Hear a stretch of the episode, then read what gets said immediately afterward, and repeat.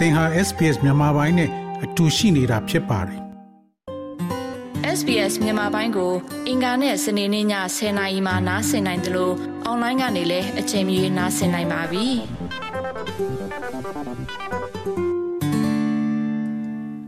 သောရရှိမြခင်ဗျာသောရရှိမြယခုတင်ဆက်ပေးမှာတော့2022ခုနှစ်နှစ်ချုပ်အဆုံးကာလမှာတော့ကမ္ဘာသိပ္ပံပညာရှင်များနဲ့ပတ်သက်လို့ဘာတွေဖြစ်ခဲ့လဲဆိုတာကို တင်ပြပေးမှာဖြစ်ပါတယ်။သိပ္ပံလောကတွင်ယခုနှစ်တွင်မရေမရသောအနာဂတ်ကိုဖျက်ချော်ရန်ကူညီပေးတဲ့အံ့ဘွယ်ကောင်းသော အောင်မြင်မှုများအရေးကြီးသောသတိပေးချက်များနဲ့ကျွန်ုပ်တို့ရဲ့အကြီးမြတ်ဆုံးစိတ်တွေကမရေရာသောအနာဂတ်ကိုဖျက်ဆီးနိုင်ရန်လမ်းခင်းပေးခဲ့တာကိုကျွန်ုပ်တို့မြင်တွေ့ခဲ့ရပါတယ်။ 2022ခုနှစ်သည်ပြင်းထန်သောရေလွှမ်းမိုးမှု interstellar ကျေစုရှာဖွေတွေ့ရှိမှုများနှင့်နောက်ဆုံးတွင် ကျွန်ုပ်တို့ကဘာကို လွှမ်းမိုးထားသည့် virus နှင့်အတူဘလို့နေထိုင်ရမလဲဆိုတာကိုသင်ယူရတဲ့နှစ်တစ်နှစ်ဖြစ်ပါတယ်။ယခုနှစ်တွင်ဩစတြေးလျသည် COVID-19 ကပ်ရောဂါရဲ့စိန်ခေါ်မှုများကိုကြော်ဖြတ်ခါကန့်သက်ချက်များကိုရုပ်သိမ်းက booster ကာဝယ်ဆေးများပံ့ပိုးပေးပြီး အစိုးရမှတည်တံ့ခွဲနေရမယ့်အချိန်များကိုတူတောင်းလိုက်ပြီးနောက်ဆုံးမှာတော့လုံလုံလျားလျားဖျက်သိမ်းပေးခဲ့ပါတယ်။ဆိုလိုဒီမှာ2022ခုနှစ်သည်ဩစတြေးလျအတွက်ကပ်ရောဂါဖြစ်ပွားမှုရဲ့အဆိုးဝါးဆုံးနှစ်ဖြစ်ပြီး Omicron မျိုးကွဲသည်နိုင်ငံတော်ဝန်တွင် ပြန့်နှံ့နေပြီးအထူးအားဖြင့်အဆိုပါမျိုးကွဲအသစ်များတွင်မူလကာကွယ်ဆေးများရဲ့ထိရောက်မှုကိုရောကျသွားစေခြင်းကြောင့်ဖြစ်ပါတယ်။ Science Media Center မှဒေါက်တာ Joel Milton သည် Omicron ရဲ့ထူးထူးခြားခြားစိန်ခေါ်စေသည့်အရာများကိုသတိပေးပါတယ်။ With Omicron, you had less chance of developing severe disease, but because it spread more quickly, more people got it. So we did see more and more cases and more and more deaths. ယောဂဖြစ်ပွားရန်အခွင့်အလမ်းနည်းတော့လေ၎င်းသည်ပုံမှုလျင်မြန်စွာပြန့်နှံ့သွားသောကြောင့်လူများပုံမှုရရှိလာသောကြောင့် ပုံမပျော့ပြောင်းလာတော့လေယောဂကူးစက်မှု ပိုများလာကအသက်သေဆုံးမှုများ ပိုများလာတာကို ကျွန်ုပ်တို့တွေ့ရှိခဲ့ရပါတယ်။ဒါကြောင့်ဩစတြေးလျသည်ဇူလိုင်လတွင် virus ကြောင့်သေဆုံးသူတထောင်ရှိခဲ့ပြီးဒါကဆိုးဝါးသောသမိုင်းမှတ်တိုင်ကိုကျော်လွန်သွားခဲ့ပါတယ်။ January လတွင် COVID ရောဂါဖြင့်အသက်ဆုံးရှုံးခဲ့သော သူမရဲ့ဖခင် Jack Moeller သည်မသေဆုံးမီဆန္ဒတစ်ခုရှိခဲ့ကြောင်း Caroline Cox ကယခုနှစ်စောပိုင်းတွင် SBS သတင်းဌာနကိုယခုလိုပြောကြားခဲ့ပါတယ်။ When we asked him what he wanted for end of life um, procedures, he said, All I want is someone to hold my hand. And that's what we were hoping for. ဘဝရဲ့အဆုံးသတ်ခြင်းဆိုင်ရာလုပ်ငန်းစဉ်များအတွက်သူဘာလို့ရှိတယ်လို့ကျမတို့မေးတဲ့အခါမှာသူလိုချင်တာကတော့ငါးလက်ကိုတရားရောက်က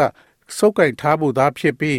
သူမျှော်လင့်ထားတဲ့အရာဖြစ်ပြီးဒါကိုကျမတို့ကမလုပ်ပေးနိုင်ခဲ့ပါဘူး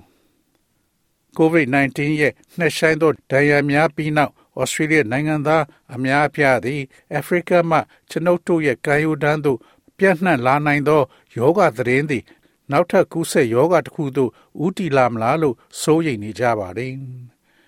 1980ခုနှစ်များကလေးကအာဖရိကအလဲပိုင်းနဲ့အနောက်အာဖရိက နိုင်ငံအများအပြားတွင် ဖြစ်ပွားခဲ့သောမြောက်ကျောက်ရောဂါ monkeypox သည်မေလတွင် မျိုးဗီဇပြောင်းလဲသွားပြီးကမ္ဘာအနှံ့လျင်မြန်စွာ ပြန့်နှံ့သွားခဲ့ပါသည်ယခုဒီဇင်ဘာလထိဩစတြေးလျတွင် အတည်ပြုထားသောသို့မဟုတ်ဖြစ်နိုင်ခြေဖြစ်ပွားမှု143ခုအပါအဝင်တကဘာလုံးတွင်ယောဂဖြစ်ပွားမှု8100ကျော်ရှိခဲ့ပြီးလူ60သေဆုံးခဲ့ပါတယ်။ဆိုရင်စရာအကြောင်းပြချက်ရှိတော်လဲ သိပ္ပံပညာရှင်များသည်ကပ်ယောဂအဆင့်ပြန့်နှံ့မှုနဲ့ပတ်သက်လို့စိုးရိမ်ပူပန်ခြင်းမရှိသေးကြောင်းဒေါက်တာမီလ်တန်ကယခုလိုပြောဆိုပါတယ် So it's spreading fast, but the, the really good news on monkeypox is that the vaccines we've got for smallpox, which have been around forever, uh, they're very effective in preventing the disease because it, it, the two diseases are reasonably closely related. So that's kind of ဒါကြောင့်ပြန့်နှံ့မှုမြန်ဆန်ပေမဲ့မြောက်ကျောက်ယောဂအတွက်တကယ်ကောင်းတဲ့သတင်းကတော့ကျွန်ုပ်တို့စီမှာသာရရှိနေခဲ့တဲ့ကျောက်ယောဂကာဝယ်ဆေးတွေကယောဂနှစ်ခုစလုံးကကြိုးကြောင်စီလျော်စွာဆက်ဆက်နေသောကြောင့်၎င်းဆေးသည်ယောဂကိုကာကွယ်ရာတွင် အလွန်ထိရောက်ပါတယ်။ဒါကြောင့်ကျွန်ုပ်တို့သည် monkeypox ကိုအနေငယ်ကြောင်းလနိုင်တော်လဲဆိုလိုသည်မှာ covid ကဲ့သို့ရမတာဖြစ်လိမ့်မှာမဟုတ်ဟုကျွန်ုပ်တို့မျှော်လင့်ပါတယ်။ ကျွန်ုပ်တို့သည် နောက်ထပ်ကူးစက်ယောဂါကို ရှောင်တိန်နိုင်တော်လဲယခုနှစ်တွင်လျင်မြန်စွာ ပြတ်နေသော ရာသီဥတုပြောင်းလဲမှုကတ်ဆိုင်သော အကြက်အတဲရဲ့လုံလျထွေလာအခြေအနေဖြစ်နေသော ကျွန်ုပ်တို့ကဘာမြေရဲ့အနာဂတ်နဲ့ပတ်သက်တဲ့ပြင်းထန်သောသတိပေးချက်တစ်ခုကိုလည်းယူဆောင်လာခဲ့ပါတယ်။ November လတွင်ပြုလုပ်ခဲ့တဲ့ကမ္ဘာကုလသမဂ္ဂရဲ့ COP COP 27 COP 27ထိပ်သီးအစည်းအဝေးတွင်ကြောက်မီးသွေးစွမ်းအင်နှင့်ရုပ်ကျွင်းလောင်စာထောက်ပံ့မှုများကိုရပ်ဆိုင်းရန်ရခင်ကကတိကဝတ်များကိုလျှော့ချနိုင်ခဲ့တော်လဲခေါင်းဆောင်တချို့ကသတိပေးချက်များဖြင့်ကြွေးကြော်နေစေဖြစ်ပါတယ်။ UN အထွေထွေအတွင်းမှုချုပ်အန်တိုနီယိုဂူတာရက်စ်ကနောက်ထပ်လှုပ်ဆောင်မှုတစုံတရာသည်ကမ္ဘာလုံးဆိုင်ရာရှုပ်ထွေးမှုဖြစ်စေနိုင်တယ်လို့သတိပေးခဲ့ပါတယ်။ And our planet is fast approaching tipping points that will make climate chaos irreversible. We are on a highway to climate hell with our foot still ကျွန်ုပ် on တို့ the ရဲ့ကမ္ဘာ accelerator. ဂျိုးသည်ရာသီဥတုကမောက်ကမဖြစ်မှုကိုနောက်ပြန်မဆုတ်နိုင်စေမဲ့အကြံပြုချက်အချက်များစီသို့လျင်မြန်စွာခြိကပ်နေပါတယ် ကျွန်ုပ်တို့သည်ကားဆက်ကိုခြေဖြင့်နင်းအရှိန်မြင့်လျက်ရာသီဥတုငရဲသို့တွားရန်အဝေးပြေးလမ်းပေါ်တွင် ရှိနေပါတယ်2022ခုနှစ်တွင်ဖန်လုံးအိမ်ဓာတ်ငွေ့ပမာဏသမုတ်တရားအက်ဆစ်ဓာတ်နှင့်ပင်လယ်ရေမျက်နှာပြင်မြင့်တက်လာမှုအလုံးသည်မှတ်တမ်းသစ်များတင်ခဲ့ပါသည်။တစ်ချိန်တည်းမှာကျွန်ုပ်တို့ရဲ့တားတရနှစ်ဆက်တိုက်လာနီနာရာသီဥတုဆိုင်ရာအဖြစ်အပျက်ကိုရည်စူးလို့ဩစတြေးလျနိုင်ငံရဲ့ February March May July လ October လနဲ့ November လများတွင် လူအများပြားရဲ့အသက်အိုးအိမ်စီစဉ်ကိုယုံရင်းဆန်ခတ်ဖြစ်စေခဲ့ပါတယ်။ Lismore တွင်နေထိုင်သူသည် February လရေကြီးမှုအတွင်း၎င်းရဲ့နေအိမ်မြုပ်သွားပြီး၎င်းတို့ရဲ့အိမ်ခေါင်မိုးပေါ်တွင်စခန်းချနေခဲ့ရပါတယ်။ water started to come into the house. So um, I was on the phone to my best mate, and he said, "Mate, you got to get out of there because if you don't get out now and something happens, you're never going to get out." So um, one of the neighbours was driving around in his boat helping people, so I just got to lift up to my mum and dad's, and they were on the roof, and we've been camped up on the roof there since about oh, six o'clock. ရေတွေအိမ်ထဲကိုဝင်လာတော့ကျွန်ုပ်ရဲ့အခင်ဆုံးအဖော်ကိုဖုန်းဆက်ပြောပြီးအိမ်ကထွက်ရတော့မယ်လို့ပြောပြီးသူကတခုခုဖြစ်သွားရင်မင်းဘယ်တော့မှထွက်ရမှာမဟုတ်ဘူးလို့ပြောပါတယ်။ ဒါနဲ့အိမ်နီးနားချင်းတယောက်ကသူ့လှေကို မောင်းနှင်းလာပြီးလူတွေကိုကူညီနေပါတယ်။ဒါနဲ့အမေနဲ့အဖေတို့ကို သူ့လှေပေါ်မှာတင်ခေါ်ပြီးအမေနဲ့အဖေကိုခေါင်မိုးပေါ်တက်စီခဲ့ပြီးဒီမနေ့9နာရီလောက်တည်းကအိမ်ခေါင်မိုးပေါ်မှာသူတို့စခန်းချနေရပါတယ်။ဤပြင်းထန်သောယာရီဥတုအဖြစ်ပြက်များသည်ဇာတိချက်မြုပ်တရိษံများကို နေစရာမရှိစေဘဲကျွန်ုပ်တို့ရဲ့အချစ်ဆုံးအထင်ကရတရိษံများထဲမှတစ်ခုကို အစွန်အဖျားသို့တွန်းပုတ်ခံရတဲ့အခမ်းမှပါဝင်ခဲ့ပါတယ်။ယခုနှစ်စောပိုင်းတွင် Queensland, New South Wales နဲ့ ACT တို့ရှိကိုအာလာဦးရေများနှင့်ပတ်သက်၍အထူးစိုးရိမ်မှုဖြင့် Federal Government မှကိုအာလာကို မျိုးတုံးပြောက်ွယ်လူနီပါမျိုးစိတ်အဖြစ်တရားဝင်ကြေညာခဲ့ပါတယ်။ Science Media Center မှဒေါက်တာဂျိုးမီလ်တန်ကကျွန်ုပ်တို့သည်တောင်ဩစတြေးလျနဲ့ Victoria တို့တွင်ကိုအာလာတွေ အများအပြားရှိနေစေဖြစ်သောကြောင့်မျိုးတုံးခြင်းဖြစ်စဉ်ကိုကျွန်ုပ်တို့မကြောက်သင့်သေးကြောင်းကျွန်တော်ယုံကြည်ပါတယ် we might be able to repopulate uh, the koalas in other areas using animals from those populations. So I don't think they're you know they're not about to disappear entirely. ကျွန်ုပ်တို့သည် But they're definitely ထို in ပေါ big င်းဆက်ထားသော trouble. ဥယျာဉ်နှင့်ကိုယ်လာများကိုတခြားနေရာများတွင် ပြန်လည်မွေးမြူနိုင်မှာဖြစ်ပါတယ်။ဒါကြောင့်သူတို့လုံလုံလျားလျားပျောက်ကွယ်သွားတော့မှမဟုတ်ပေမဲ့ သူတို့ဒုက္ခရောက်နေတာကတော့သိကြပါတယ်။ယခုနှစ်တွင်ဩစတြေးလျရဲ့ပြားဥယေကို ထိုးဖောက်ပြန်ပွားနှောက်ယှက်တဲ့မျိုးစိတ်များရဲ့ချိန်ချမှုအောက်တွင်မြင်တွေ့ခဲ့ရပါတယ်။ Varroa destructor mite သည်ကျွန်ုပ်တို့ရဲ့နယ်နိမိတ်ကိုဂျွန်လတွင် ချိုးဖောက်ကျော်လွှားခဲ့ပြီးနှစ်ပေါင်းများစွာကြိုတင်ကာကွယ်မှု အောင်မြင်ပြီးနောက်နယူကာဆယ်တွင်အဲ့ဒီပိုးမွားတွေကို ပထမဆုံးတွေ့ရှိခဲ့ပါတယ်။ လှုပ်သားပြားများကို စားပစ်တဲ့ mites ပိုးမွားများသည်ကဘာတဝန်းလုံးတွင် ပြားအုံများကိုပျက်စီးစေတဲ့ colony collapse disorder ရဲ့အဓိကအကြောင်းရင်းများထဲမှတစ်ခုဖြစ်တယ်လို့သံသယရှိနေကြပါတယ်။အစိုးရအာဏာပိုင်များသည်ယောဂကူးစက်ခံရတဲ့နေရာများကိုဖယ်ထုတ်ရန်ဇုံများဖြင့်လျင်မြန်စွာသတ်မှတ်ရွှေ့ပြောင်းခဲ့ပြီးပြားအုံပေါင်း600နဲ့ကူးစက်နိုင်ခြေရှိသောပြား တန်ပေါင်းများစွာကိုဖျက်ဆီးပစ်ခဲ့ပါတယ်။ပိုးမွှားများသည်ဩစတြေးလျနိုင်ငံတော်ဝန်သို့ဆက်လက်ပြန့်နှံ့နေပါကသီးနှံဝစ်မုံကူရေးဝန်ဆောင်မှုများတွင်ပြားများအဓိကအခန်းကဏ္ဍမှပါဝင်နေသောကြောင့် Australian စီးပွားရေးကိုနှစ်စဉ်ဒေါ်လာသန်း80မှ14.2ဘီလီယံထိကုန်ကျနိုင်ပါတယ်။ထိုးဖောက်ဝင်ရောက်လာသော ပိုးမွှားများမှဂျိုသိန်းဂျိုမွှားများအထိထိုးဖောက်ဝင်ရောက်လာသော ပိုးမွှားများသည် ဂျိုသိန်းဂျိုမွှားများအထိရောက်ရှိခဲ့ပါတယ်။ဤတစ်ကြိမ်တွင်နာဆာမှနောက်ထပ်အရေးကြီးသော မျိုးသုံးခြင်းကာကွယ်ရေးအစီအမံကို2022ခုနှစ်တွင် ပြုလုပ်ခဲ့ပါတယ်။စက်တင်ဘာလတွင် NASA သည် Double Asteroid Reduction Test ဟုခေါ်တဲ့ Asteroid Demos ကိုအောင်မြင်စွာလမ်းကြောင်းလွှဲချော်အောင် ပြောင်းနိုင်ခဲ့ပါတယ်။ ဂျိုမွားများသည်ကဘာနဲ့ကီလိုမီတာ17တန်းအကွာရှိ အာကာသယာဉ်ကိုတိုက်မိကအောင်မြင်စွာကဘာနဲ့မတိုက်မိအောင်လောင်ကြောင်းလွဲအောင် အာကာသယာဉ်ကိုသုံးချခဲ့ပါတယ်။3 2 1 And we have impact.